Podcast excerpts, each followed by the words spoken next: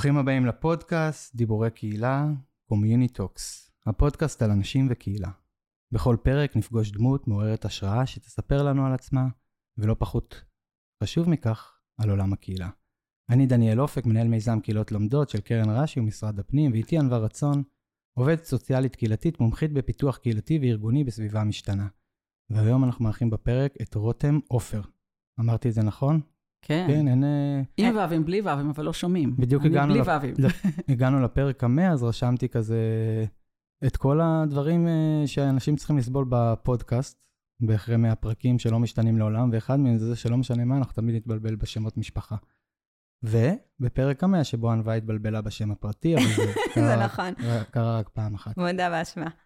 אז אה, רותם, היא רותם בלי ו', היא יועצת ארגונית בגישה דיאלוגית, היא מלווה שינויים מערכתיים בארגונים מעל 25 חמש שנים, סליחה, מיישמת, מפתחת ומלמדת שיטות לעבודה בקבוצות גדולות, המאפשרות להוביל שינויים פורצי דרך בתנאים סוערים, ואפילו ליהנות מהדרך.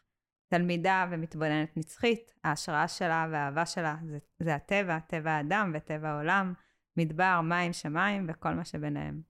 האמת היא שזו כתיבה מרגשת כזה. הרגשתי שני שאני מקריאה שיר. זה עוד לא התחלתי לקרוא, לכ- לכתוב שירה. אני קוראת שירה, אבל לכתוב שירה עוד לא התחלתי. אז רואים שיש אה, את האימפקט. אז אה, כן, אתה רוצה להגיד משהו? אני? רוצה להגיד שהייתה אצלנו דניאל שני, שזה גם עולמות אה, מקבילים כזה אלייך, והיא גם רשמה נורא יפה, ואמרתי לה את אותו דבר שאת אמרת עכשיו, ענווה. אז אנחנו- לכבוד הוא לי, קולגה וחברה יקרה, דניאל שני. אז אנחנו מזמינים את המרואיינים שלנו, העתידיים, שחלק מהם גם מאזינים, לכתוב לנו יפה, כי פתיחה יפה זה פתיחה טובה לפרק. נתחיל? נתחיל. אז אה, תספרי לנו משהו שלא יודעים עלייך. האמת שאני חושבת שלא יודעים עליי הרבה דברים, כי אני בן אדם די פרטי, לפחות בציבורי. אבל עכשיו כשנכנסתי לפה בדלת והרגשתי כזה את היובש בגרון, זו פעם ראשונה שאני עושה פודקאסט, פעם ראשונה שאני. מקליטה בפודקאסט, אז כאילו, תהיו טובים איתי. הרגשתי כזה את היובש, אז פתאום התח... זה החזיר אותי, או חיבר אותי למשהו שאני חושבת שאת זה באמת לא יודעים עליי, שהייתי כילדה אצנית למרחקים ארוכים. ריצות שדה. ובריצות שדה, חוץ מזה שיש כאילו את ה... כל הדרך הזאת שעוברים, אז אה, אה, רצתי שלוש שנים, הפסקתי אחרי שלוש שנים, כי חייבו אותי ללכת לתחרויות. אני ממש לא טיפוס תחרותי, אני גם אף פעם לא מבינה למה זה חשוב מי הגיע ראשון, זה לא נראה לי כאילו. אבל אה, יש משהו במסע הזה של ריצת שדה בדרך, שיש לו המון קשר למה שנדבר היום. אני חושבת ששם למדתי את אורך הנשימה ואורך הרוח לדרך. אה, שרוצים להגיע לסוף, אבל הדרך היא מלאת מהמורות, ואהבתי את זה מאוד, וזה מלווה אותי. את רצה היום? חזרתי לרוץ לפני שנה, אחרי שלא עסקתי בזה, אני חושבת שכמעט 40 שנה, הפתעה לי אפילו התנגדות, עסקתי בכל מיני דברים אחרים, וחזרתי לרוץ. וכן, יש בזה משהו, ואני רצה ביער ליד הבית שלי, אני גרה ביוקנעם עילית, אנחנו שכנים, ואני רצה ביער, ויש משהו אה, מקביל מעולם הריצה הזאת בשטח הפתוח לניהול שינויים, שתכף נדבר על זה. אז גם אני רץ ביער, אני מקווה לפגוש אותך שם. ניפגש כזה בדרך. באמצע. תרדי למטה רגע. אני נראה לי בחיים לא רצתי. אפילו לא בבגרות, פשוט העבירו אותי. אה, ובאמת, איך הגעת לעסוק בתחום של השינוי? כי על זה בעצם אנחנו הולכים לדבר היום, על שינוי. אה, אז איך הגעת אה, לעסוק בתחום הזה? כאילו, את אומרת שאת מכירה את זה מעולם הריצה, אבל אני מאמינה כן. שזה לא מה שהביא אותך. אמ, אני חושבת, קודם כל אני יועצת ארגונית, זה מה שאני עושה, וייעוץ ארגוני זה הרבה, about שינוי, הרבה, הרבה מאוד מזה. אני חושבת ש... אפשר להגיד שנולדתי כיועצת ארגונית שלוש פעמים. אה, אני חושבת שפעם ראשונה היא אגדת ילדות כזאת, שהייתי, נולדתי בשליחות, בגיל שנתיים הגענו לארץ, לקיבוץ, אני גדלתי בקיבוץ בעין גב, ובגיל שנתיים זה גיל כזה שעוד לא כך מדברים. אז ההורים שלי חששו, וגם הייתה לי מטפלת אה, במקסיקו, דוברת ספרדית, אז לא חשבו, לא ידעו אם אני מבינה עברית ולא ידעו איך אני אסתדר בבית ילדים. ומיד התחלתי אה, לתרגם למטפלות מה הילדים מנסים להגיד בעברית המשובשת, של, בשפה המשובשת של ילדים בני שנתיים. והם מספרים לי את זה, שכאילו פתאום הסברתי למטפלות מה הילדים רוצים. אז קודם כל זה היה נראה לי כאילו, זו הלידה הראשונה שלי כמי שרואה מה קורה בסביבה ומנסה לתווך בין הסמכות לבין המונהגים.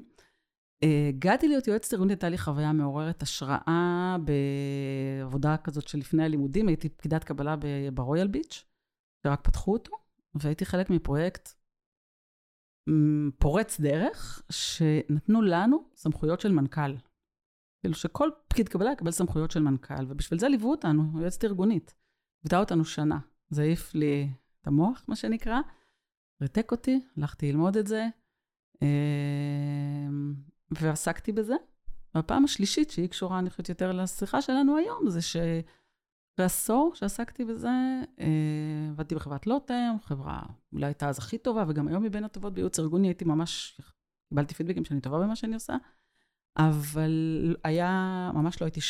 לא היה לי שקט עם איך שאנחנו עושים את הדברים, נרחיב על זה אולי אחר כך, לא בגלל שלוטם לא היו בסדר, או אני לא הייתי בסדר, פשוט הפרדיגמה שאיתה עבדנו בייעוץ, אני לא הרגשתי שהיא עובדת בשבילי, ואז יצאתי למסע חדש ונולדתי פעם שלישית כיועצת ארגונית בעולם ניהול השינויים, בגישה רשתית, דיאלוגית, השתתפותית, שמות מתפתחים, אבל הגישה היא מה שאני עוסקת בו היום. אז זה היה לפני 16 שנה בערך. ומאז... אבל, אבל איך מגיעים לזה? אני, כאילו, נגיד מהמקום שלי, אני גם למדתי ייעוץ ארגוני. את אותן תחושות שלך הרגשתי בתוך הלימודים.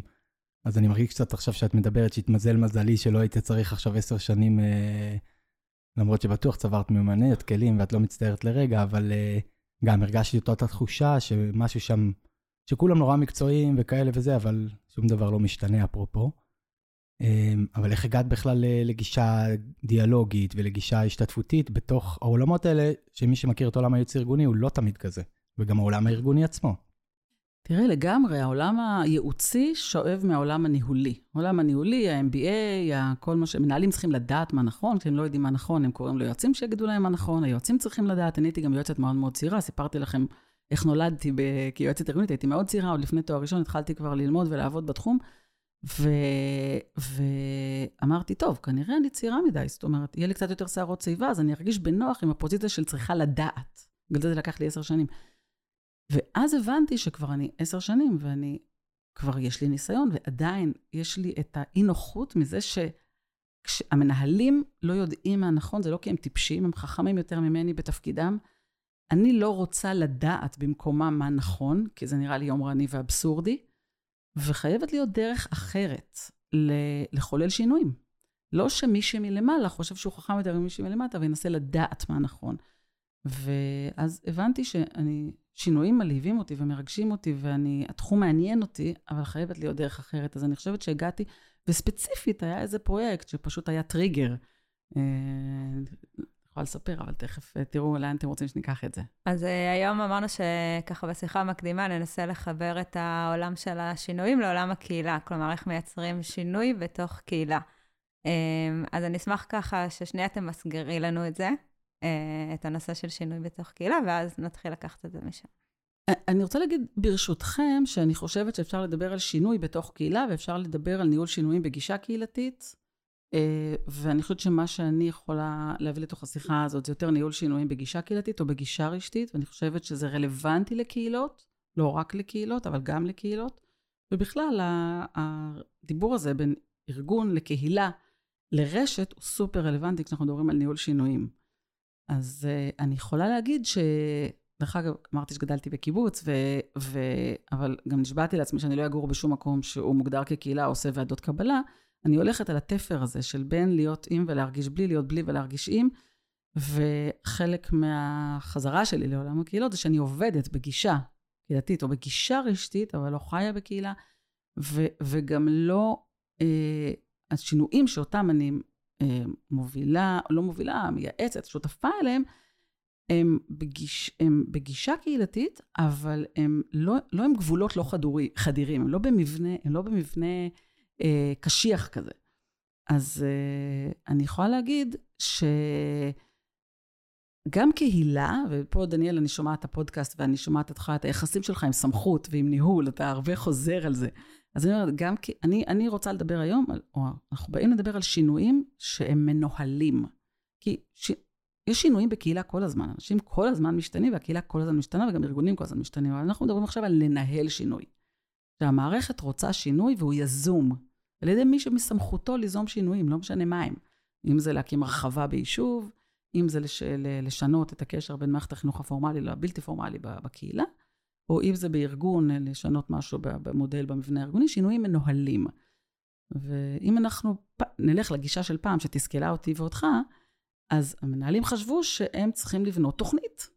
אלוהי הניהול שינויים, היה קוטר, שמונה שלבים. אה, לוגי כזה. כן, לוגי, לינארי, גאנטים. יש שם כן? תמיד כזה, אם אתה לא עברת את השלב הראשון, אז לא תגיע כן, ל... ובכלל, שיא השיאים היה מצב, הפשרה, הקפאה. כאילו, ככה אני למדתי, כאילו צריך, יש מצב, רוצים לשנות, עושים הפשרה שלו, ואז יש פריז חדש. זה כאילו, הצלחנו בניהול השינוי, יש פריז. היום אנחנו יודעים שזה לא ככה. אבל מצד שני, אנחנו כן רוצים לנהל שינוי. ש- שמי שעומד בראש קהילה, או בראש ארגון, רוצה ליזום משהו, רוצה לנהל אותו. ואז השאלה איך עושים את זה בדרך אחרת. אמ, ופה אנחנו מתחילים לדבר על ניהול שינויים. רוצים, אני יכולה לפרט ככה את, ה, את הצעדים שאני... אני שנייה רוצה לחזור, כי דיברת הרבה על הגישה הקהילתית. אז אולי שנייה נסביר מה זה גישה קהילתית, ואז משם נצלול איך עם הגישה הקהילתית מייצרים את השינוי. כאילו בתפיסה שלך, כן? זה... תראה, אני לא אפול בפח שבפודקאסט דיבורי קהילה אני אגדיר אה, גישה קהילתית, כן? זהו, מה לא, הפתיע לא, אותי לא עכשיו, היא לא נתנה. לך להגדיר את זה. לא יקרה, לא לא, בפח. בתפיסה שלך. אבל אני אגיד שבתפיסה שלי, אני מדברת על ניהול שינויים שהם לא top down ולא bottom up, הם הרבה יותר קולברטיביים, אבל יש בהם אלמנט אה, של, אה, של מנהיגות משותפת. ובעיניי, הלב של, אה, אולי של קהילה, אולי של אה, רשת או קבוצת אנשים שחולקת איזה אה, עניין משותף ומבנה משותף, אה, זה שיש אפשרות שכולם ייקחו מנהיגות. אז האלמנט הראשון מבחינתי לניהול שינויים בג- בגישה הזאת, רשתית, קהילתית, דיאלוגית, לא משנה, זה מנהיגות משותפת.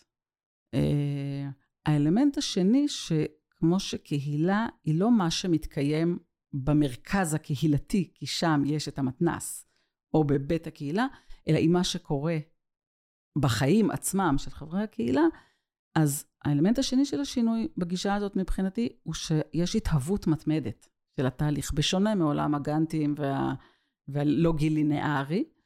ואלמנט אה, נוסף זה שזה מרחב חיים. השינוי הוא מרחב חיים, אני יכולה לה- להדגים ולה, ולהרח, ולהרחיב, אבל אה, גם קהילה היא דבר חי. זאת אומרת, היא, היא דבר שמה שהופך אותו, מה שמאפשר את קיומו זה שיש בו חיים כל הזמן. אורגניזם. אגב, הוא- גם בעולם היוצא ארגוני יש כאילו הרבה נכון. תיאוריה שמדברת על על הארגון כאורגניזם. נכון. ולכן ניהול שינויים כניהול תהליך חי, זאת אומרת, גם שיש בו מנהיגות משותפת, גם שהוא מתהווה כל הזמן, וגם שהוא חי את השינוי עצמו. כאילו, התהליך זה היה השינוי, כמו שאמרו לנו, אז אה, זה היה השינוי שאתה רוצה להיות, אז אותו דבר, התהליך מגלם את השינוי ש... שרוצים אה, להיות. אז זה כאילו מבחינתי האלמנטים של הגישה, אפשר להגיד.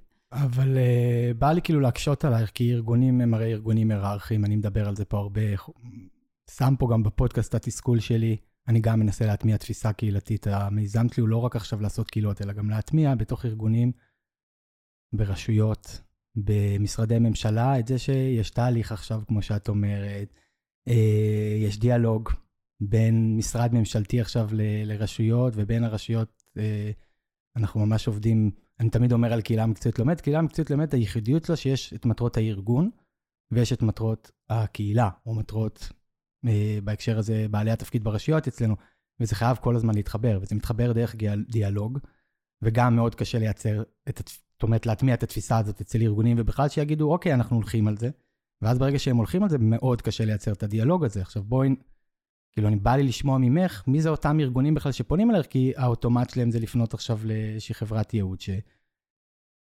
יפנו להם, והם מצפים למצוא, לקבל, אפילו לא למצוא, לקבל פתרונות, ושיבואו ויגיד להם איך צריך לעשות את זה, ואז הם ייקחו את זה לעובדים שלהם ויגידו, ככה צריך לעשות את זה, וקדימה.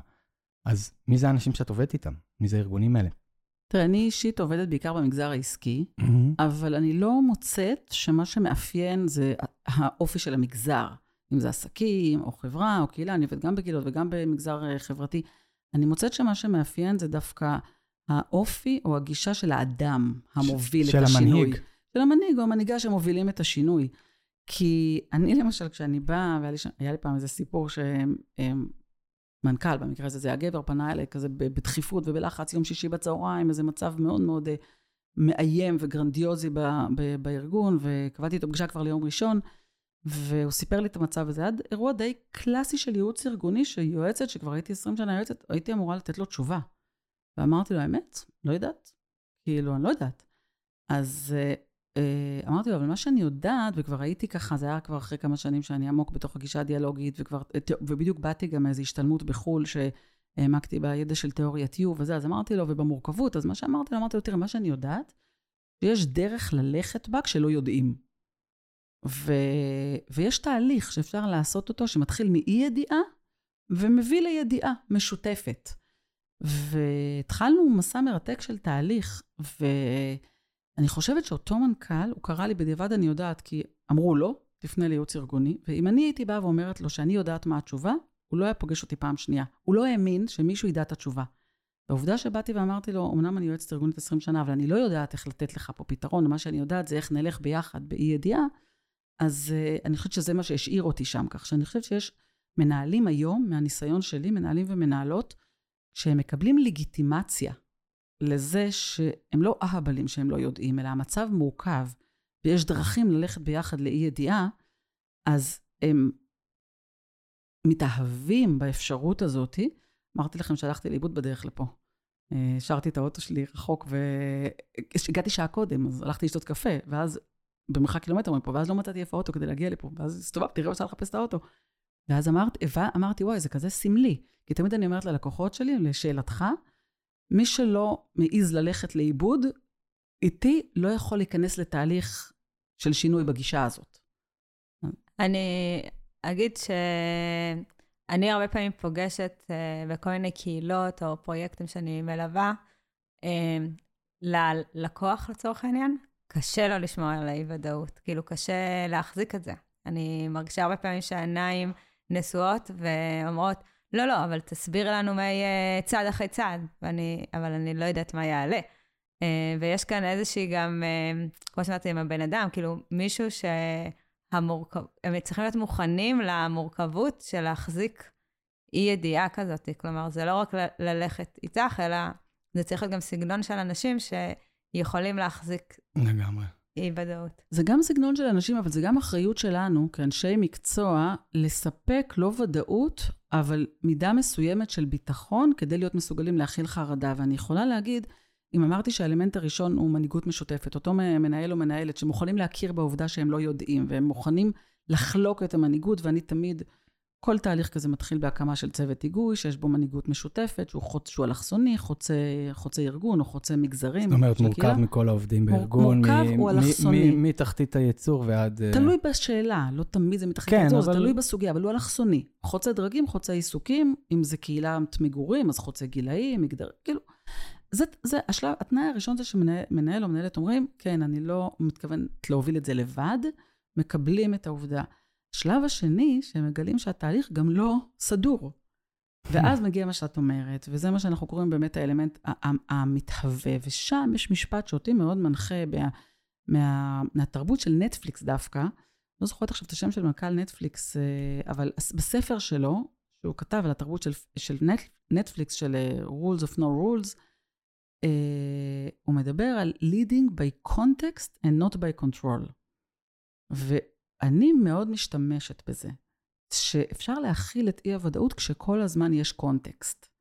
ואנחנו, אני לא נותנת בתהליך מפרט ברור איפה נהיה בעוד חצי שנה, ואני לא נותנת בתהליך אה, אקסל מסודר לכ, לאורך הדרך, אבל אנחנו רואים מה הקונטקסט. עכשיו אנחנו בשלב של, למשל באיזה ארגון שעכשיו אני נמצאת בו, באיזה תהליך אסטרטגי כזה של אה, תרבות של הצמחת אנשים, אז עכשיו אנחנו בשלב הלמידה. ייקח לנו בערך שלושה חודשים, אנחנו נלמד פנימה, החוצה, את הנושא. עכשיו, הם לא בדיוק מבינים לאן זה הולך, הם לא בדיוק יודעים מה יקרה אחר כך, והם לא כל כך, אבל הם יודע, יש להם קונטקסט, וכל פגישה, אנחנו מתחילים עם קונטקסט. זה לא שאין רגעים של פחד אלוהים, אנחנו לא יודעים מה אנחנו עושים פה ולאן נגיע. אני לא מבטיחה לאף אחד שכל הזמן תהיה תחושת בהירות וודאות, אבל קונטקסט, קונטקסט, קונטקסט, קונטקסט, הוא נורא חשוב בניהול שינויים בגישה מתהווה. וזו האחריות שלנו. אני... כי אחרת זה באמת כאוטי מדי. אני יכול להגיד לך שאני לא, קצת עושה, לא מעט, באמת כבר לא מעט עושה פגישות עם ענווה, עם, אה, רשויות ואנשים שבאמת אה, רוצים איזשהו תהליך, וזה דווקא למדתי ממנה, כי אני כמנחה, הייתי מנחה לבינוי קהילה, הייתי מגיע למנהלים, ומאוד הייתי מתחבר לצורך שלהם, שזה עכשיו לעשות להם איזשהו תהליך, עשרה מפגשים, מאוד לוגי וכאלה. וענווה באה לארגונים, והיא אומרת, תקשיבו, זה לא עכשיו שאני בונה לכם איזשהו משהו מובנה, צריך דבר ראשון לעשות איזושהי פגישה, וצריך לפגוש את הצוות, וצריך להבין וללמוד קצת כמו שאת אומרת, וזה תהליך שהוא כל הזמן גם יכול להשתנות, ולכן, עכשיו אני רואה את ה... אתה יודע, את האנשים מסתכלים, הם לא רגילים לזה, הם כזה, מה, מה זאת אומרת? כאילו, היית צריכה לסדר לנו פה את החיים, אבל אני חושב שזה באמת אה, המקום והיכולת להחזיק את זה, וגם הביטחון. אה, אני יכול להגיד שבהקשר שלי, שאומנם הייתי בונה איזשהו תהליך לוגי, אבל זה היה איזשהו אה, מין אה, טריק שהייתי עושה. כי כאילו הייתי בונה תהליך והייתי סולח למסמך מסודר וזה, לא יודע אגב אם הם היו עוברים עליו, אפרופו שזה באמת לא יודע, אבל אז הייתי נכנס לתוך התהליך. ובתוך התהליך אתה אומר, זה לא תהליך שלי ושלך כמנהל, יש פה צוות, דבר ראשון מביא את הצוות, ואז בתוך הצוות אתה מתחיל תהליך אה, הנחייתי, קורה שם בדיוק הדברים האלה שאת אומרת, וקורים המון המון דברים, אני תמיד אה, זוכר שהייתי אומר, שעצם זה שהמנהל יושב שם ומקשיב, ושומע את הצוות, זאת אומרת, זה לא רק עכשיו אה, משהו שאנחנו בונים ויש פה משימות משותפות כמו בישיבת צוות, אלא יש פה שנייה רגע מקום של דיאלוג והקשבה בתוך הצוות, אה, היה מייצר המון, המון שינוי, אפרופו שינויים. כן גם רציתי להגיד על זה ש... אמ, זה מאוד מאוד דומה לתפיסה הקהילתית, כאילו קצת נזהרת מקודם שאמרת, אבל בסוף שאנחנו מגיעים לקהילות, אנחנו באים ואומרים, אי אפשר לעשות תהליך קהילתי בלי הקהילה, בלי, בלי עכשיו, אצלנו זה להקים גרעין מוביל או צוות מוביל, זה קורה איתם. אה, ואני חושב שזה משהו שמאוד חשוב גם לארגונים. אני רוצה להגיד לך שקצת קצת עשית את זה בעצם, זאת אומרת, זה הפרויקט שהשתתף בו ברואל ביץ', בעצם הוא שבר שם את המקומות האלה. אני לא יודע מי זה היה אותו מנהיג, אותו זה שאפשר לעובדים כאלה לעשות את זה, אבל זה בדיוק, זאת אומרת, זה היה מאוד דומה, אז כנראה ששם זה משהו השפיע עלייך, ומאז את אה, שם, אז זה, זה מהמם. ובא לי כזה קצת אולי שתתארי לנו, כי התחלת קצת להיכנס לזה, אבל איך נראה תהליך כזה? אני יודע שאי אפשר, כי כל תהליך הוא נראה אחרת, וזה דיאלוגי והכל, אבל זאת אומרת, איך השינוי הזה נוצר? ממה הוא נוצר? אה, כאשר אה, מתחילים דבר כזה עם ארגון? אז אני יכולה לנסות להגדיר את, ה, את אבני היסוד, או אבני הבניין היחסית גנריים, שמאפשרים בכלל לשינוי כזה בגישה קהילתית או, או רשתית, או להתרחש. אז, אז אחד כבר אמרנו, שזה מנהל או מנהלת שיש להם צורך או יש להם בעיה, והם מכירים בעובדה שהתשובה לא אצלם. הפתרון הוא מורכב, אין מישהו, תמיד אני אומרת להם, אם יש מומחה שיודע את התשובה, לכו תשלמו לו כמה שהוא יבקש, ו- ותתקדמו הלאה. כאילו, אל תכנסו לתהליך אה, קהילתי.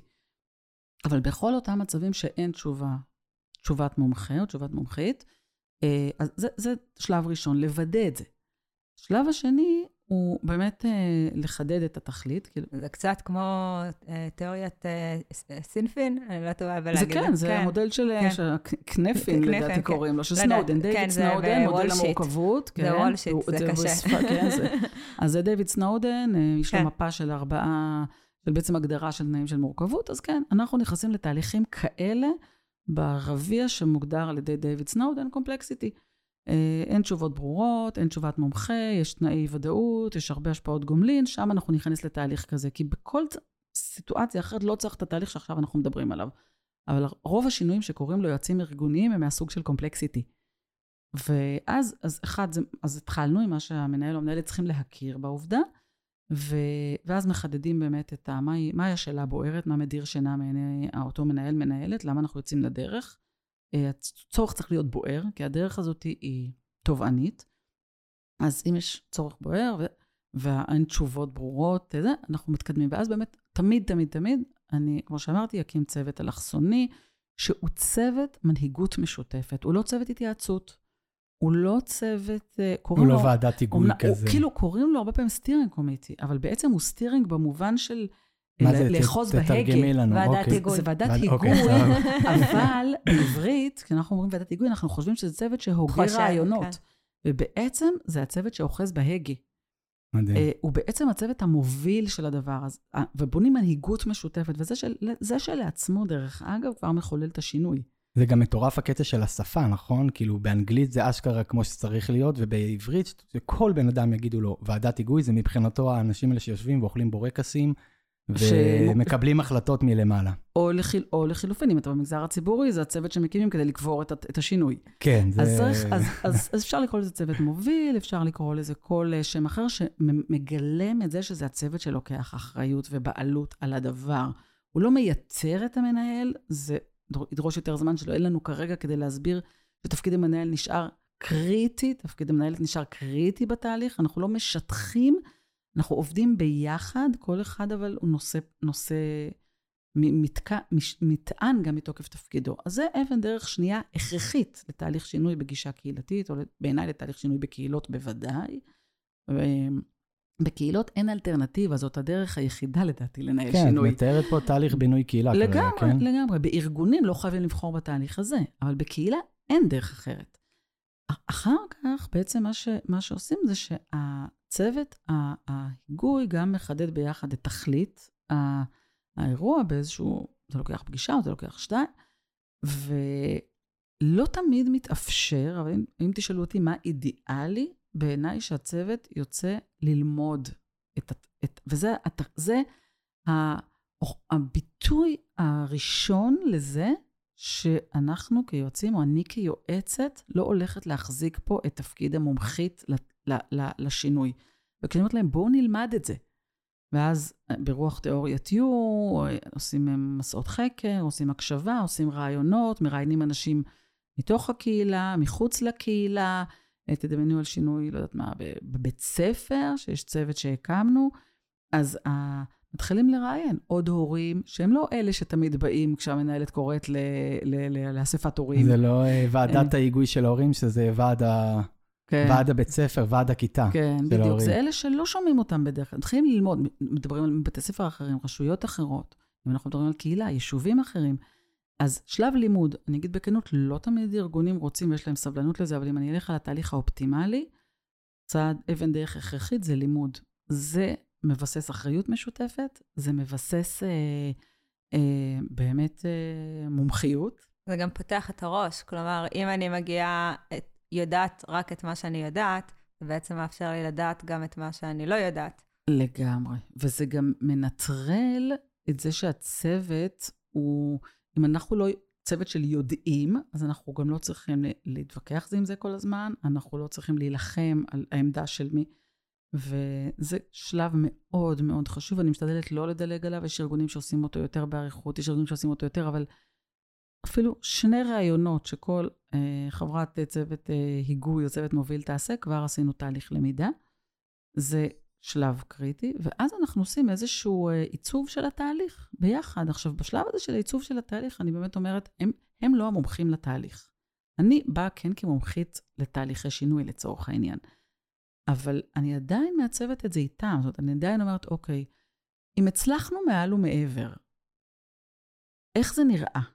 כאילו, לאן אתם רוצים להגיע? ואז אני שואלת כל מיני שאלות, ו- ואיך נגיע לשם? האם אנחנו נערב עכשיו את כל הקהילה? האם נערב חלק קטן מהקהילה? האם אנחנו רוצים תהליך של שנה? האם אנחנו רוצים תהליך של חודשיים? האם אנחנו רוצים... זאת אומרת, כל מיני שאלות שגורמות לעצב ביחד את התהליך. ואז אני בדרך כלל כן מציעה לה, זאת אומרת, מביאה להם מזה איזשהו דיזיין כזה של אז מה נעשה עכשיו. כן נזמין את כל הקהילה, לא נזמין את כל הקהילה, נעשה אירוע חד פעמי, נעשה תהליך, נעשה קבוצות, נעשה ועדות, לא משנה. והדבר הבא זה שלא משנה מה ההחלטה שנקבל, אני לא עומדת שם לבד בפני הציבור. זאת אומרת, הם תמיד לוקחים אחריות פעילה. Uh, החל מאחריות לוגיסטית ואח... ואחריות להזמין את האנשים, הרי תמיד יש הרחבת מעגל. צוות ההיגוי הוא מתכנן תהליך בשביל הקהילה. תמיד יש הרחבת מעגל. הם המזמינים, הם המעצבים של ההזמנה, הם עומדים בפרונט של התהליך. זה דרך אגב המיקרוקוסמוס של השינוי. זאת אומרת, כשזה קורה בצוות היגוי, אני יודעת שהשינוי יצליח. שיש עתיד לאנשים האלה. כן. לא, ואז... זה, זה איזושהי יצירת קואליציה, אפרופו ייעוץ ארגוני, אבל כן. לא קואליציה עכשיו בבכירים וזה, אלא כמו שתמיד לומדים אותך בייעוץ ארגוני. כן, קוטר. יצירת קואליציה לא, זה השפה אבל, של קוטר. כן, אבל שינוי. אני אומר פה, זה קואליציה רחבה, זה, אתה, אתה לוקח את כל, אתה בעצם יוצר מסה והמונים שהם כולם חלק מתהליך השינוי. לגמרי. ויש לזה הרבה יותר סיכוי להטמעה, כי בסוף, סבבה, יצרת קואליציה אצל הבכירים, ואז הם מגיעים ומנסים להוריד את זה, ופף, פף, פף, פף, פף, ולא מצליחים אה, לייצר את השינוי, כי הוא פשוט לא יקרה, כי האנשים שם אה, למטה, נקרא לזה פה, פשוט לא ייתנו לו לקרות. אה, כי יש להם כוח בסופו של דבר, אם לא שכוח, רוב הכוח אצלם, למרות האשליה שזה... במיוחד בקהילה. בארגונים בקהילה. אולי קצת פחות, אבל בקהילה הכוח הוא של חברי הקהילה בסופו של אני דבר. אומר לך שאני חושב שהרבה ארגונים תקועים ולא מתקדמים, אני רואה את זה מהרבה ניסיון גם שלי יש עם ארגונים או עבודה. יכול לתת את זה דוגמה מהרשויות בדיוק בגלל זה. בסדר? קחי רשות מקומית. אה, אוקיי, חשבתי על ארגון עסקי. בסדר, אבל דווקא אני לוקח את זה לעולמות, כן, זה קחי ממש. רשות לא, לא, מקומית. מתחלף מנכ"ל כל שנתיים, ומתחלף, כאילו דווקא המנהיגות הבכירה מתחלף כל הזמן, ויש לך את הדרג ניהול הבינוני ואפילו למטה, שלפעמים 20 שנה, והם יודעים הכל. תן דוגמה, כי רותם דיברה על זה מקודם, אבל היה לנו מפגש קהילה, והזמנו לא רק את הבכירים שהרבה פעמים נמצאים בקהילות, הזמנו בעצם כל מי שעוסק בדיגיטציה ברשויות, והגיעו, הגיעה מישהי שהיא אה, יושבת אה, אה, במשרד, ברשות, ומקבלת את כל האנשים שרוצים לבוא ולשלם ארנונה. עשתה את זה 20 שנה, כמות הידע שיש לה היא מטורפת. היא פשוט שלפה לנו שם עכשיו, הם יושבים ושוברים את הראש, איך עושים עכשיו שירותים דיגיטליים, איך עושים עכשיו אתר לרשות, בסדר? הרי את זה אתם עושים ככה וזה עושים ככה. אני אגיד לכם מה קורה מאחורי הקלעים, וזה מדהים לראות את זה, והיא, אם אתה רוצה לייצר שינוי ואתה לא לוקח אותה להיות חלק מתהליך השינוי, ולא משתמש בה, אז בסוף תעשה את כל השינויים ותכתוב מסמכים נחמדים, זה מגיע אליה, ואם לא בא לה, היא כאילו תעצור את זה, כי בסוף היא ה buffer, אז זה, זה, אז- זה מהמם. זה- וגם זה מאמן- אפשר לפטר אותה ברשות. וגם כן. יש לה. לא, אבל אני רוצה להגיד, אני רוצה לאתגר את מה שאמרת, כי אני חושבת שכבר כולנו מספיק זמן, וזה כבר אפילו קצת טרנדי, ובזה אנחנו מבינים, יש שיתוף, ושיתוף, ציבור, וזה וזה וזה, וזה די ברור לנו שהידע נמצא אצל אנשי השטח. זה ברור? אני לנו המנחים, לנו לא, העולם אני- העסקי. אני לא, אני חושבת שזה ברור להרבה אנשים. אני נכון. רוצה להגיד איפה אנחנו לא יודעים מה לעשות עם התובנה הברורה הזאת, כשאנחנו מגיעים לניהול שינוי. Mm, אה, זה שידע קיים בשטח, זה שהמנכ"ל יודע שההיא במחלקת הגבייה יודעת פי מאה ממנו על הרשות, לא, הוא לא צריך אותי כדי שאני אגיד לו את זה. הוא לא יודע מה לעשות עם זה mm, בניהול שינוי. נניח שהוא רוצה עכשיו להעלות את אחוזי הגבייה ברשות, בסדר? או שהוא רוצה להגדיל את הש- השימוש ב- ב- ב- בדיגיטציה כן, ואתה- בגבייה. הוא לא יודע מה לעשות עם זה. כשהוא יודע שהיא יודעת משהו, אבל הוא לא, לו, הוא לא יודע איך לגשת אליה ואיך להפוך אותה לשותפה. אז פה, אני, אני, אנחנו, זה יש, כאן התפקיד שלנו לשאול שאלות, כמו למשל שאנחנו מקימים את צוות, ה- את הצוות ההובלה הזה, אנחנו אומרים, מי האנשים בעלי ה, ה, הידע, הרלוונטיות, הסמכות, העניין, אה, ל, ל, לקחת חלק, לגרום לדבר הזה להצליח, ואנחנו מקשים, אני מקשה עליהם, ואני אומרת, אבל מי עוד? אבל מי חסר פה? אבל מי יש לו את הכי הרבה ערך, ואז גורם לגיוון ש, אה, של הצוות.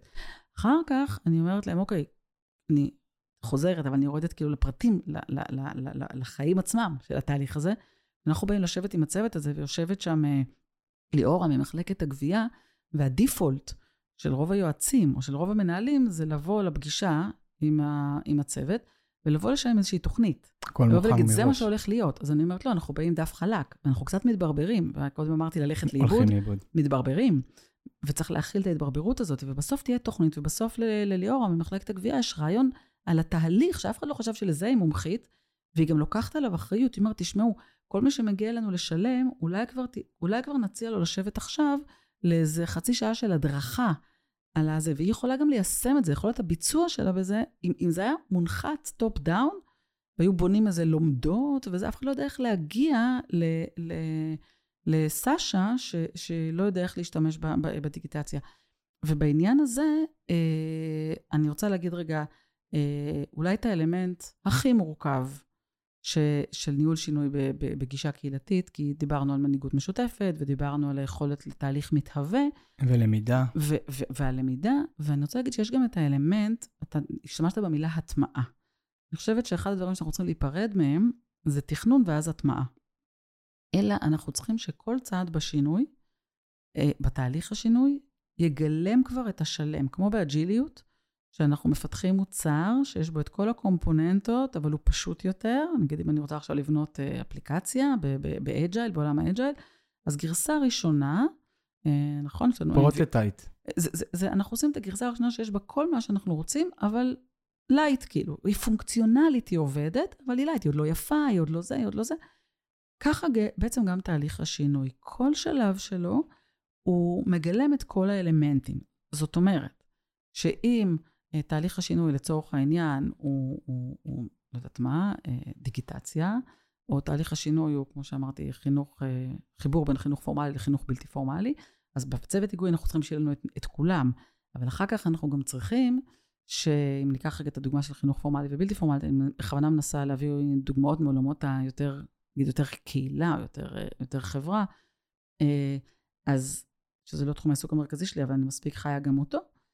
אז אנחנו נרצה כבר שהפרקטיקות שנפעיל בתהליך השינוי יהיו פורמלי ובלתי פורמלי.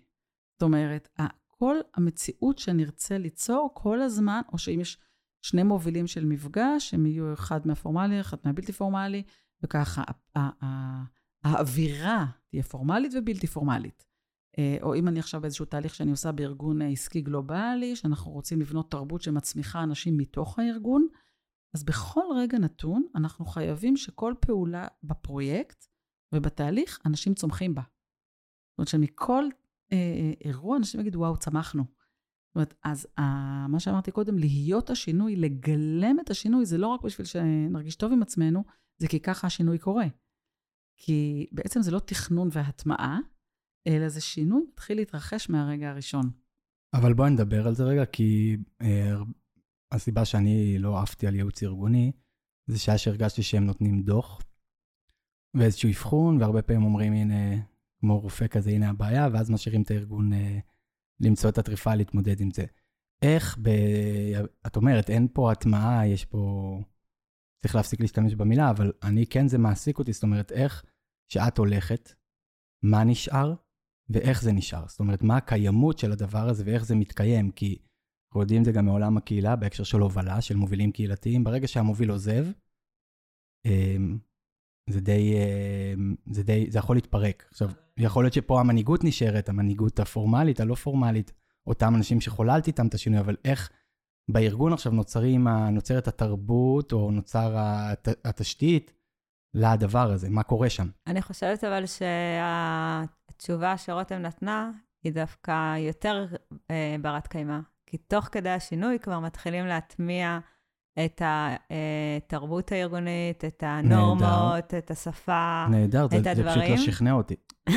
באמת? ובהטמעה, אז באמת, אם אתה לא תתרגל, או ההנהלה לא תייצר את התהליך הטמעה, זה, זה לא יישאר. על הכיפאק, זה כמו שאתה עכשיו אה, עושה שהוא לומד יוגה, ואתה נמצא בשנה באיזשהו קורס יוגה, ואז אומרים לך, אוקיי, מעולה, עכשיו אתה חוזר הביתה שלך ואתה צריך לתרגל כל יום, נכון?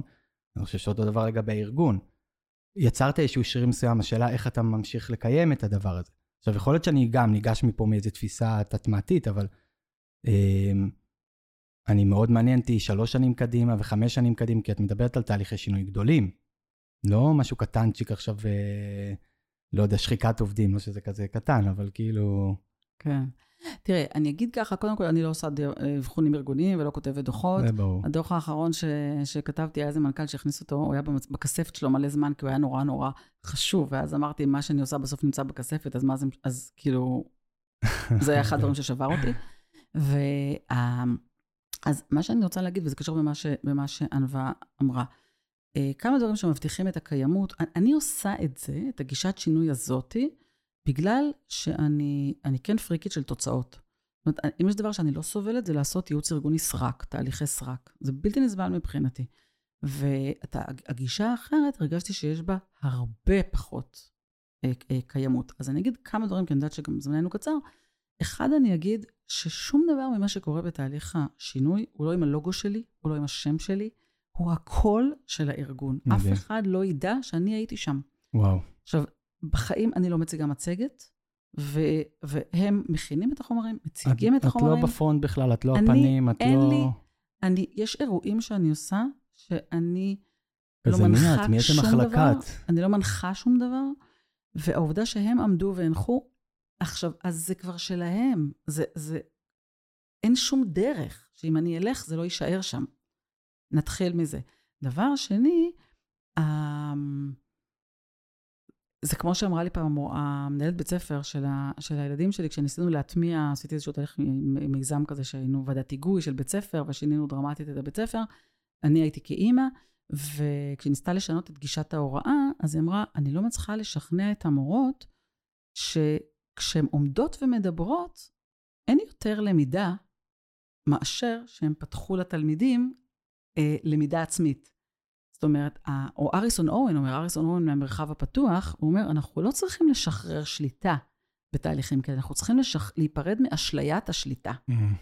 ואז אני אגיד, על המשקל הזה אני אגיד, אנחנו צריכים לשחרר את אשליית האימפקט, שחשבנו שתהליכים מסורתיים מייצרים, זה סתם אשליה. מדהים. חוברות שנהיו על המדף, אה, יועצים ארגוניים, סדנאות מצוינות, קורסים מצוינים, זאת אשליה שהם עשו יותר אימפקט מתהליך שבו עקב בצד אגודל, אנשים לוקחים אחריות משותפת על החיים שלהם, לומדים את המצב, מקבלים ביחד החלטות, הם עומדים ב front של השינוי, אי אפשר לקחת מהם את זה. את מה שהם עשו בדרך הזאת, בכל רגע שנעצור, כמו שאמרתי, agility, בכל רגע שנעצור כבר קרה שינוי.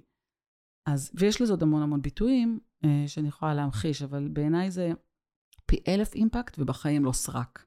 ודרך אגב, בגישה הזאתי, אם יש סרק, זה מת באיבו. זאת אומרת, כי אי אפשר לעשות סרק. זאת אומרת, אנשים לא יכולים לקחת מנהיגות לכאורה.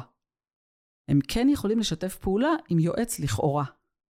אה, ולכן... בכאילו הם, כזה. בכאילו. זאת אומרת, אם הם לא יצאו בתשע בערב לפגישה הקהילתית, פעם עשיתי איזשהו תהליך שינוי בקהילה, וכשיהיה לילה וגשם בתשע בערב, והם הגיעו לפגישה, הבנתי שקרה תהליך. אז אתה יודע שזהו, שהם שם. אז, אה, אז אני אומרת שאין סרק בגישה הזאת, אין תהליכים שלא משאירים אימפקט. מדהים. אני רוצה להגיד לך שגם אני למדתי את השיעור הזה, וקצת עזרת לי אפילו ליישם את זה. כאילו ליישם את זה, לסי... כאילו לתת לזה שם כרגע. כי... לשיים. לשיים. אני הרבה פעמים, אה, בעצם, שפונים אליי לעשות תהליכים, אז אומרים לי, אנחנו רוצים שתבוא, גם לענווה יש את זה, תן כלים לצוות. ואני כזה, תראו, אני לא כל כך מאמין בסיפור הזה של כלים, כי אני נותן אה, חכה, אתם מכירה את כל המשפטים השחוקים, אני מאמין בשינוי תפיסה. זה קצת מה שאת עושה בתהליך אה, ניהול השינוי שלך. את משנה את כל התפיסה בארגון ואת התרבות הארגונית, ואז זה משהו הרבה יותר, זאת אומרת, זה נשאר כי זה אצל האנשים עצמם, לא עכשיו באיזה דוח כזה או נהלים. ואני חושב שאני גם ראיתי את זה על אה, מרכזים קהילתיים, נגיד, שעבדתי איתם, שבתוך התהליך הצוותי הם באו פתוחים, הם באו אה, אותנטיים, הם באו לייצר איזשהו דיאלוג. באמת, נוצרה איזושהי תפיסה מסוימת, זאת אומרת, הם שינו את התפיסה שלהם לגבי קהילה, זה שאני, השינוי שאני ניסיתי לייצר, או ניסיתי ביחד איתם. ואז אתה חוזר לשם אחרי שנתיים-שלוש, ואתה רואה שפשוט אה, התחילו להיווצר דברים. לא ידעת מה, וזה לא היה מתוכנן בתוך התהליך, אבל פשוט מהחיבורים ביניהם, מהמקום הזה שפתאום בא להם לעשות, מזה שפתאום נפל להם האסימון שהם יכולים, אה, סתם דוגמה, לשווק הרבה יותר טוב, הם יעבדו ביחד עם כאלה, כל מיני דברים כאלה קטנים, וזה נראה לי מאוד דומה למה שאת עושה בארגונים. אני הרבה פעמים אה, אומרת כשאני מעבירה סדנאות, שאנחנו נעבוד בתהליכים מקבילים. כלומר, החוויה הקהילתית שהם רוצים להעביר לקהילה, בעצם משתתפי הסדנה, שזה הרבה פעמים אנשים שמובילים, העובדים, יעברו אותם בעצמם. קהילתיות כשיטה. וזה. לא, אבל זה בדיוק יהיה השינוי. לגמרי. כי את בעצם אומרת, אם אתם רוצים לייצר משהו במציאות, מה שאני עושה איתכם בך. צריך אה, לגלם את זה. לגמרי, כאילו, אני מדברת אפילו על סדנאות חד פעמיות. גם סדנאות חד פעמית. לגמרי, וסתם, אה, יש לי אפילו עכשיו, שבוע הבא, הרצאה באיזשהו ארגון אה, קהילתי. והם אמרו לי לבוא להרצאה, אמרתי, אבל אני לא עושה הרצאות. מה זה? אבל אני לא עושה. אני לא אוהבת לעמוד ממול כולם ולדבר עכשיו שעה וחצי, כאילו... ועוד על קהילה. כן. זה כאילו הכי לא קהילתי, להרצות על קהילה. בדיוק. אני יכולה, כאילו, אני תמיד בסוף משיימת. אנחנו מתחילים באיזשהו תהליך שהם מביאים בעצמם ומספרים את הסיפור, ואז אני יכולה לשיים להם את זה לתיאוריות, כאילו להראות להם כמה הם חכמים, כמה הם צודקים, או צודקות במקרה הזה זה יהיה, אבל... Uh, סתם, זה נורא הזכיר לי, כי זה בדיוק שיחה שהייתה לי איתם היום. שזה בדיוק מה שגם אה, בתיאוריית יו, שאותו שרמר אומר, שהצלחת ההתערבות, אה, הוא מצטט, כן, מנהל שאמר לו את זה, שהצלחת ההתערבות אה, תלויה במקום הפנימי של הגורם המתערב.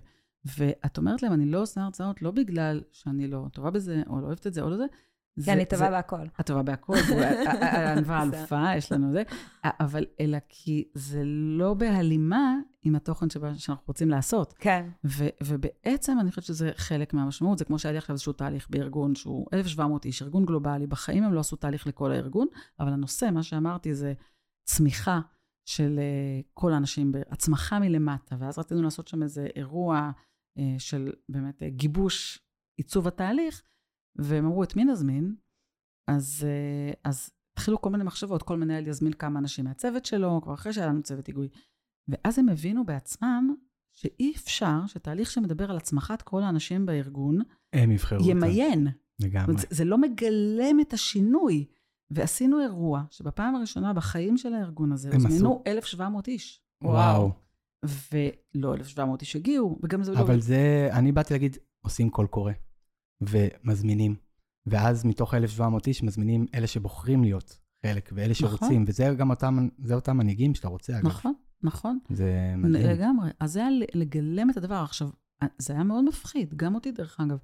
אבל זה בדיוק הקטע הזה של אם אנחנו רוצים, ל, ל, זאת אומרת, מה שאנחנו, זה לא תכנון והטמעה, אלא זה שכל צד שלנו מגלם את ערכי התהליך. אם אנחנו רוצים להצמיח את כל האנשים בארגון, אי אפשר שהתהליך לא יאפשר לכולם את אפשרות הצמיחה בתוכו. זה ה-walk the talk. כן, walk the talk. בעיניי זה פשוט, לג... walk the talk, בעברית נגיד, לגלם את הדבר, זה בעיניי הכי חשוב.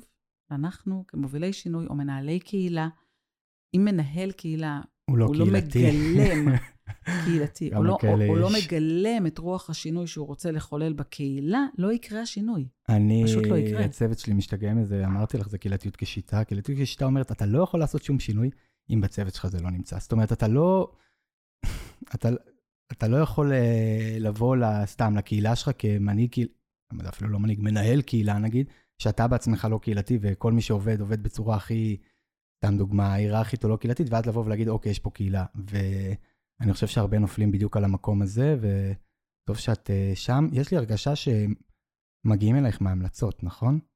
כאילו, איך כן. מגיעים? כאילו, את באה עושה באמת תהליכים שמייצרים שינוי, ואז... אני בחיים לא שיווקתי שום זהו, דבר, זה אבל כאילו, אני אגיד, ברור. אפרופו קהילתיות ורשתיות, וענווה יכולה, אני חושבת, ענווה ואני ככה מכירות... Uh, רותם המדריכה שלי, עוד לא הבנתם. את פוגעת לי בזיגויית עם ענווה, מה זאת אומרת? זה משולש. בואו נחשוף את זה פה בפודקאסט, אבל בסדר, אני נותן לענווה לפעמים לעשות דברים במקומות אחרים. תודה רבה. אין בעיה. זה היה מאוד גברי מצידך. לגמרי. אה, אה, לגמרי, ותיזהר, אנחנו שתיים על כן, אחד. כן, אבל אני אגיד שאני חיה ברשת. אני אמנם לא רציתי להיות במקום שעושים בו ועדות קבלה, כי אני לא רוצה להיות חברה במועדון שמוכן לקבל אותי, אבל אני מאוד אה, רשתית בתפיסה שלי, ואני אוהבת להמליץ לאנשים, ואני אוהבת אה, לתרום ברשת את הרעיונות שלי ואת הידע שלי, ברשת האנושית, פחות החברתית, שם אני פחות חזקה. אה, ומזה מגיעים אליי אנשים, כאילו מהרשת, זה לקוחות שלי וקולגות שלי, ואני מייצרת לאחרים הזדמנויות, והם מייצרים לי הזדמנויות. ובעיניי, אפרופו קהילתיות, זה, זה, חלק מ, זה חלק מתפיסה. זה ה-walk the talk שלך, כאילו באיזשהו מקום. כן, ואני חושבת, דרך אגב, שהעולם הקהילות תורם לעולם הארגונים, בזה שבעולם הארגונים, מה זה, קהילה זה נורא ברור שהיא קצת של כולנו, נכון? זאת אומרת, אם אני בקהילה, אז היא גם שלי. ובארגונים זה לא היה ברור שאם אני בארגון הוא גם שלי. אני חושבת שהתרומה הכי גדולה של כניסת עולם הקהילות לעולם הארגונים זה, זה גם שלי. ואני חושבת שתרומה של העולם הארגוני, או של הידע ש, שיש לנו על ניהול שינויים ארגוניים בגישה קהילתית, יכול מאוד לתרום לגישה הקהילתית, או לסביבה הקהילתית, ש... שאשכרה יהיה שינוי. לא, לא רק זה. לא להתבייש לדבר על ניהול. בינינו אנחנו יודעים, גם קהילות הפייסבוק הטובות ביותר מנוהלות ביד רמה. ב- ב- בזה שאנשים שם, שיש קודים ברורים לקהילה הזאת, וברור מה אין ומה אאוט, וזה מנוהל, אבל זה מנוהל באופן שמשאיר מרחב אדיר לתחושת בעלות. ואני חושבת שגם בקהילות, לא להתבייש לנהל דברים, לא להתבייש לניהול בשירות הקהילה, ובתפיסה שלי, הטנגו הזה בין קהילתיות לארגוניות, אני חושבת שאני יותר ארגונית בעולם הקהילתי, ואני יותר קהילתית בעולם הארגוני, אני גם וגם כזה, אז ככה גם, אה, אני חושבת, אה, פחות או יותר מגיעה אליי העבודה. מה... זה טוב שיש לך את, את יודעת את שתי השפות בעצם. את יודעת כן. לדבר גם איתם וגם איתם, וזה יתרון חשוב, כי הרבה פעמים, אני מגיע מעולם הקהילה, אני בא לעולם ארגוני, הרבה פעמים גם לא מבינים מה אני רוצה מהחיים שלהם ומה זה המילים האלה, לא, אמיתי, אמרתי לך שהתחלתי מלתרגם בגיל שנתיים. לגמרי. אז הנה חזרנו עוד פעם לזה. אה, טוב, נתת לנו כבר טיפ, ואני חושב שזה טיפ מאוד חשוב. נתנה לנו מלא טיפים. לא, בסדר, אבל כאילו השאלה מה הייתה לי עוד טיפ, אנחנו לקראת סיום, ונתת טיפ, ואני כן רגע אגיד את זה. מה לקחת כטיפ ממה שאמרתי? לא, זהו, לקחתי ממש את הדבר האחרון, שגם קהילה, אוקיי, צריכה להיות מנוהלת. ואני אומר, בהקשר הזה, אני לקח לי הרבה זמן להבין את זה, רק כשנכנסתי היום לקהילות לומדות, שזה בתוך עולם הארגוני, פתאום באתי איזה יום אחד לענווה או לפודקאסט, אמרתי, תקשיבו, חייבים מוביל קהילה. עכשיו, אני בא מעולם הקהילה הפיזית, שם הקהילה היא הכל ולא צריך מובילים, וזה הכל נורא השתתפותי בקטע רדיקלי. ואני חושב שזו הבנה חשובה, ובטח בעולם הארגוני, שאתה רוצה לעשות קהילה, זהו, צריך להיות מנוהל, אז זה טיפ טוב. תשמע, דניאל, אם לקחת את הטיפ הזה, הרווחתי את הנסיעה מיוקנעם לגבעת שמואל. לגמרי. כי אני חושבת שזה יעשה מאוד טוב לעולם הקהילות, שלא יתביישו להבין את חשיבות הניהול. אני אומר אני את זה. חושבת שהוויכוח במרכאות, כי זה לא באמת ויכוח. לא, לא, לא שלך, מסכימים, לא, אנחנו לא מסכימים. שלך, לא שלכם, אה, אוקיי. בכלליות, אל תסכסכי. ביני לבין רותם. אנחנו מדברים הרבה פעמים על uh, מנהל קהילה, למוביל קהילה, ואנחנו מציעים כאן את ההחזקת מרחב. זה תפיסת המ- הניהול, כלומר, אבל שזה בעצם גם מה שאת עושה בתהליכים ארגוניים, כאילו תפיסת הניהול, האם אנחנו את ניקח את הניהולית, לגמרי. הייעוץ כן. הארגוני למשהו כזה, או משהו יותר אשתי, או כאילו... אבל אני רוצה להגיד שהשאלה היחידה שידעתי מה אני רוצה לענות עליה זה הטיפ. אז אני רוצה אז את להגיד... חייבת אז להגיד תפני לנו את הטיפ, נכון, זו. השאלה היחידה שידעתי מה אני רוצה. להגיד. אז לא נשאל אותך את השאלת סיום. החלטה שלכם. אני אוקיי, אשמח שלא תשאלתי אותי. בסדר. אה, אבל אני רוצה להגיד שללכת לאיבוד זה דבר נורא נורא קשה, ואז השאלה היא איך אתה יודע איפה אתה שם את הצעד הבא, את הרגל. ואז יש לזה המון תשובות, אבל טיפ אחד שאני רוצה להגיד, שאני מקווה שהוא לא יישמע מופרך מדי, אבל כי הוא יכול להיות ממש הכי גם קונקרטי, זה ללכת לאיפה שיש אנרגיית חיים. ואני אתן את זה כ- כדוגמה, זאת אומרת, כשאתה מנהל תהליך שינוי או מוביל תהליך שינוי, ואתה אומר, רגע, אז עכשיו נכון לעשות את זה או נכון לעשות את זה? הרבה מאוד פעמים זה לאן שיש יותר כוח חיים ללכת. מה זה אומר כוח חיים? זה מי שמוכן לקחת על זה אחריות. זה איפה שיש רעיון חי ובוער, לשם ללכת. ואין, יש לי אין ספור דוגמאות, שכשלא ידענו לאן הולכים, ואמרנו, רגע, ה, ה, יש מוטיבציה לפה, יש יוזמה לפה, יש תשוקה ללכת לכאן, יש אנשים שמוכנים לקחת על זה אחריות, אז בואו נלך לכאן. וממש ללכת עם ה... כמעט עם הדחף לבהירות, ברגע ששחררנו כבר את כל האמונות המקבילות, כן? של... ש... אה, ללכת עם אנרגיית החיים, זה... זה לא הדחף שלך כמוביל, אלא דחף של של האנשים. מישהו, אה, מישהו של בצוות. פעם כן. עשיתי תהליך של תרבות ארגונית, ומכל כל הדברים, הקבוצה שהייתה הכי פעילה, זה זאת שרצתה להקים קבוצת כדורגל בארגון. מדהים. זה היה נשמע הכי כאילו שכונה, מה, בזה ו- השקענו כסף, ועכשיו זה פה קצת כדורגל? ומכל הסיפור הזה הבאנו אנשים מחו"ל, ישבנו פה במרחב פתוח, והקבוצה הזאת שישבה בצד ודיברה על קבוצת כדורגל, להם ניתן את ה... ואני אמרתי, כן, לכו עם איפה שיש חיים. זו הייתה הקבוצה הכי פעילה, והיא יצרה סביבה ב- אדוות. זהו, נראה לי שבסוף גם הסיפור. יש לי שני דברים להגיד. אחד, הרבה פעמים בקבוצות פעילים אני אומרת, אה, מה שלא תיקחו אחריות לא יקרה. כאילו, ש, שזה אולי המקום של החיים. ואני חושבת שכשמתחילים בדברים הקטנים האלה, שנראים לכאורה, לא רואים, אני עושה מירכאות, אבל גם אה, לא חשובים, או בשביל זה הבאנו את כולם, זה מייצר תחושה של העובדים, של, היי, הקשיבו, אותי. לה, הקשיבו ראו. לנו, כאילו לא סתם גם הביאו אותי לשבת. וזה מייצר איזשהו אמון, איזשהו בסיס שממנו אפשר להתחיל את ה...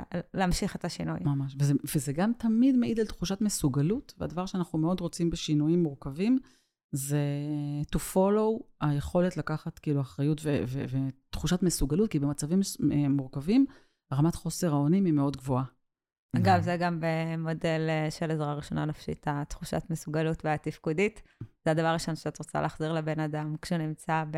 אז הנה, זה ולחץ. ממש זה. כן. הנה, ממש קיבלת זה. טיפ מענווה. אני, עולם החוסן וה, והסיוע שענווה עוסקת בו, אני מוצאת איתו הרבה הלימה, למרות שאני לא מבינה בו כלום. אני כי זה פחד- הקומפלקסיטי. פחדנית וחסרת חוסן נפשי למצבי אה, אסון. אבל זה אה, הקומפלקסיטי, כאילו, כן, כי בדיוק. המצבים האלה הם מצבים מאוד בדיוק. מורכבים. והם גם, אה, היה לנו פה פרק עם, על, אה, שסיפר לנו על אוקראינה, ו... אה, שהוא הולך למשלחות. יובל? כן, עם יובל, ואז ממש כשהוא דיבר, הבנו ש... של המשלחות... אה, כן, שהמשלחות, שבתוך עולם החירום, והסיוע, הם משתמשים בתפיסה קהילתית שם, שזה מטורף לי זה. ת- אפרופו, דיברנו קצת על פרקים, מה שווה, תאזיני. שהקשבתי. לפודקאסט הזה, הוא טוב. כן, כן? לפרק אה, הזה, יפה. כן. אז הנה, קיבלתם המלצה. אני אה, פוגשת אנחנו אותו שבוע הבא. אוקיי, זה... מידע מאזינים, חשוב. שמעתם? אתם לא יודעים מתי זה שבוע בזה, אבל המאזינים... אה, אה, איפה את רואה את עולם הקהילה בעוד עשר שנים? רציתי לא להגיע לשאלה הזאת, אבל זו השאלה שאנחנו הכי אוהבים. וואלה. כן, אז אוהבים אנחנו להפיש עושים את את ה- המאזינים פשוט, לא, את ה- לא. את האורחים ככה שלכם. אנחנו עושים את הכסף שלנו, כי כולם מזמינים אותנו להרצאות, כי אנחנו עתידני הקהילה. אה. הבנת? יש לנו 100 תשובות של אנשים על איפה כן. זה יהיה. ככה צריך לאסוף אותם ולייצר איזושהי תמונת נכון, עתיד. פעם הבאה. אני אגיד ש- ב-200, בפרק ה-200. אמרתי ש- שאני, אחד הדברים שככה מוביל אותי זה תיאוריית AU, ושם זה leading from the emerging future, זה לא, אתה יודע מה יהיה בעתיד, אלא, אז אין לי מושג. אמ, ה-emerging future בשבילי, אני אימא לארבעה ילדים. ה-emerging future בשבילי זה הילדים שלי. הם העתיד המתהווה לנגד עיניי. ואני גם אדלריאנית, זאת אומרת, למדתי באדלר, אימון ופסיכותרפיה, ו- והתפיסה האדלריאנית מאוד מרכזית בחיים שלי. אז אני אגיד שכאדלריאנית ברור לי שהצורך בשייכות הוא הבסיס להכל, וזה תמיד יהיה.